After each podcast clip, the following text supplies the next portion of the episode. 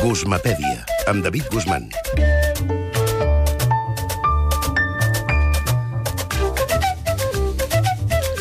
David, bona nit. Què tal, Elisa, com Què anem? ens cantes avui? Ai, que, bueno, avui cantaràs tu, eh? Sí, home. Porto la lletra, te la baixo, impresa. No, mira, ahir, potser ho vas seguir, ahir 9 de novembre, van passar altres coses més enllà de Catalunya. No, tu creus? ser. T'ho asseguro. No. Tu, ho he llegit avui als diaris. Jo tampoc m'ho creia, però eh, em sembla que sí. Que, per exemple, un dels llocs, i a, i a vegades emotives, eh? Una coses emotives, un dels més...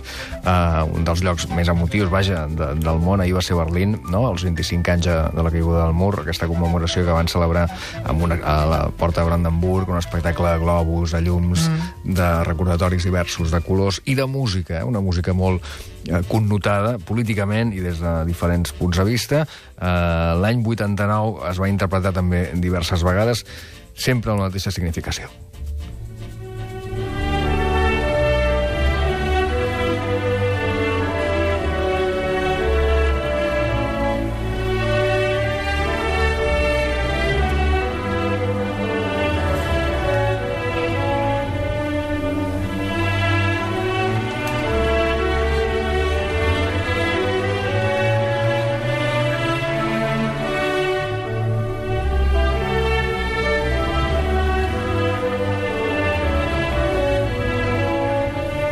La novena, eh, de Beethoven. Aquesta, concretament, és la interpretació, forma part de la interpretació de Leonard Bernstein, una interpretació històrica que va dirigir a, a la, amb la Filarmònica de Berlín al Nadal l'any 89, eh, per commemorar la caiguda del mur, i, i vaja, i com, com altres vegades també s'ha- interpretat amb la mateixa càrrega, amb aquest missatge de, de llibertat i de fraternitat de, de la peça eh, per part de Daniel Barenboim, o, per exemple, com també ahir va, va conduir-la Simon Rather, el director titu- titular de la Filarmònica de Berlín.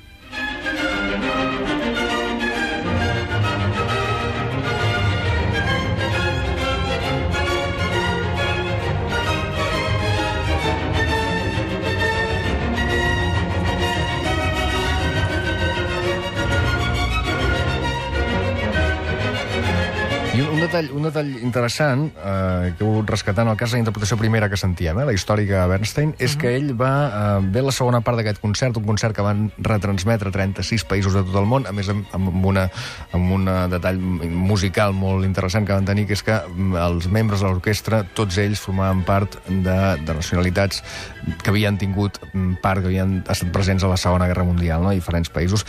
I Leonard Bernstein va dir que en el quart moviment, que és el més conegut, en lloc de uh, Freud, uh, de llibertat, no? dirien uh, Freiheit, és a dir, uh, llibertat. En comptes d'alegria dirien llibertat, cosa que, cosa que Bernstein va dir, això és el que m'agrada, Beethoven segur, segur, seguríssim que ens hauria donat la seva benedicció.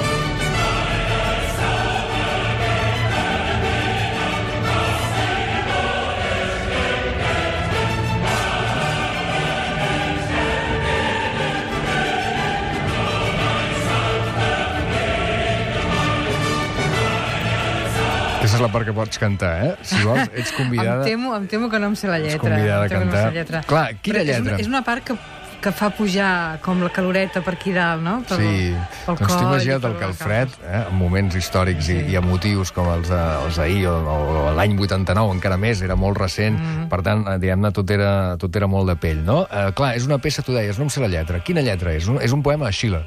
Mm. És un poema del 1786 que va entusiasmar Beethoven, va decidir que tard o d'hora el musicaria, el va voler musicar i va derivar en aquest quart moviment de la seva eh, novena sinfonia, moviment per cor i, i solistes, eh, del, segurament de la sinfonia més, més coneguda, i, i s'ha convertit gairebé en un himne, amb diferents variacions. Eh, per exemple, efectivament, la va adoptar el 1985 la Unió Europea com un dels seus himnes, en té més d'un, eh, himne no oficial, però abans ja havia tingut també altres usos, per dir-ho així. Per exemple, Stanley Kubrick, que era bastant trapella amb això de la música el cinema, l'any 1971 va agafar Beethoven i el, eh, Beethoven o Ludwig van, eh, com en deien a la pel·lícula, i el va passar diguem per una mena de túrmix de sintetitzadors que no eren un altre que el de la compositora Wendy Carlos. Som a la taronja mecànica i Beethoven sonava així.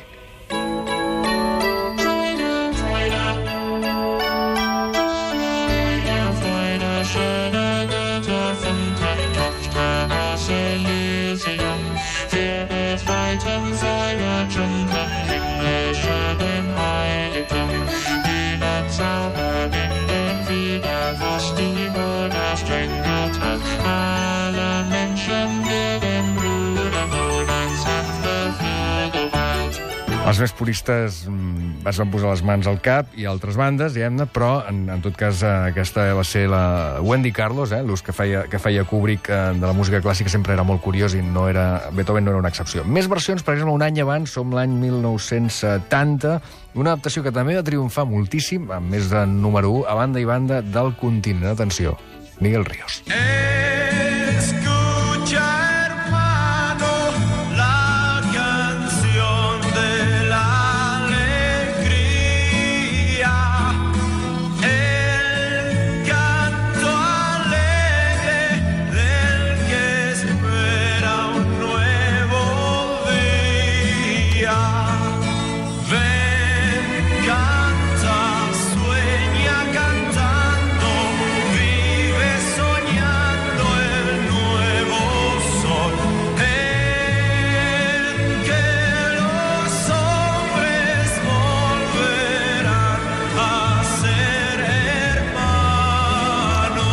és de les peces, la de Kubrick perquè és molt especial, no? però és de les que crec que ha caducat més malament o que ha envellit pitjor. No, perquè és, és naïf, és, és carrinclona, és ten... eh, Vaja, és lànguida en la seva interpretació Miguel Ríos, eh, un rocker davant de tot Davant això. No? sí. Ben, amb un altre ús polític. Políticament s'ha fet servir de manera molt, molt curiosa i molt diversa per, per colors polítics molt, molt diferents. No? Per exemple, l'ha adoptat el 1974 com a himne oficial després de la seva independència, Rodèsia al sud. S'ho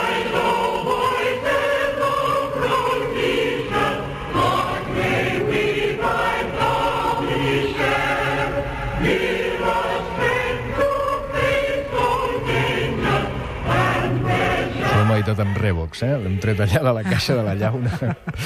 Dos casos més, encara amb una, en clau d'espiritual negre, gairebé de gospel, com a banda sonora del musical Sister Act.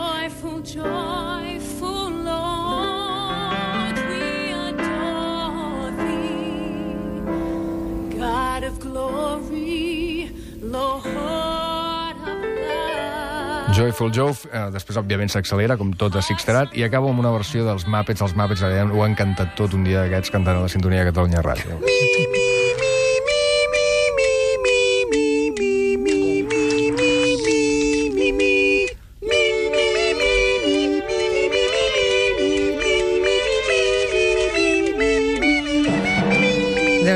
Aquesta sí que la pots cantar, eh? Veus? No ho sabia jo. Home, del Miquel Rigos encara m'hauria atrevit. Gràcies, fins David. ara. Bona nit.